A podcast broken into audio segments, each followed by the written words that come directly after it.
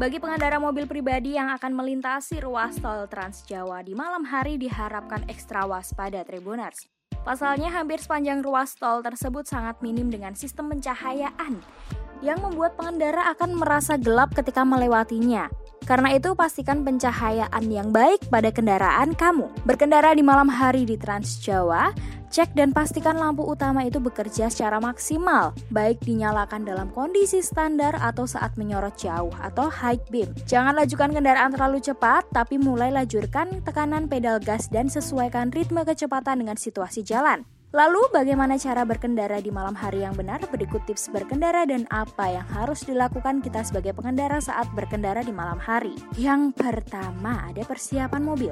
Pastikan mobil selalu ready buat melakukan perjalanan di malam hari. Lampu depan, lampu belakang, lampu indikator berfungsi dengan baik. Begitupun juga dengan mesin mobil, rem, ban-ban termasuk ban serep, dongkrak, segitiga pengaman, AC harus dalam kondisi yang baik dan siap digunakan. Selanjutnya yang kerap dilupakan ialah membersihkan kaca-kaca mobil baik luar maupun dalam. Yang kedua, ketepatan arah lampu depan. Pastikan lampu depan arahnya tepat agar tidak bikin silau pengendara lain. Selain itu, jangan mengganti lampu dengan tipe yang bisa bikin silau pengendara lain meskipun itu menurut kita lebih terang, tapi itu malah bisa bikin resiko kecelakaan. Yang selanjutnya, hindari rokok dan alkohol. Usahakan jangan merokok di mobil karena nikotin dan karbon monoksida dari asap rokok bisa mengurangi kemampuan penglihatan di malam hari. Wow. Pastikan menyetir dalam keadaan sadar, sehat, dan tidak terpengaruh obat-obatan, alkohol, dan sejenisnya. Selanjutnya, nyalakan lampu jika diperlukan, Tribuners. Jika ragu ada sesuatu di depan saat mobil kita melaju sendirian, nyalakan lampu jauh. Lampu jauh tidak hanya membantu kita melihat lebih jelas, tapi juga membuat pengendara lain tahu kalau ada kendaraan kita walaupun dari kejauhan.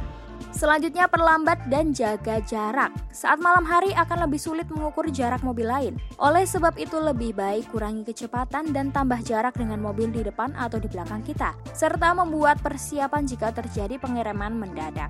Yang terakhir, jika silau karena sorotan lampu dari kendaraan lain, lakukan hal ini. Sering kita disilokan oleh sorotan lampu kendaraan di depan kita, sebaiknya jangan pandang ke depan, tapi ke sisi kiri untuk panduan arah agar kita tidak dibutakan oleh lampu. Itu tadi Tribuners, tips berkendara di tol pada saat malam hari. Jadi memang mata itu nggak bohong ya Tribuners, karena kalau kita nyetir lama-lama mata capek, terus rasa ngantuk berlebih seperti itu makanya disediakan rest area di berapa kilo setelah kita berjalan selalu ada rest area gunanya untuk mengantisipasi rasa ngantuk dan kecelakaan gitu. Semoga informasi dari membantu Tribuners dan sampai jumpa di podcast selanjutnya.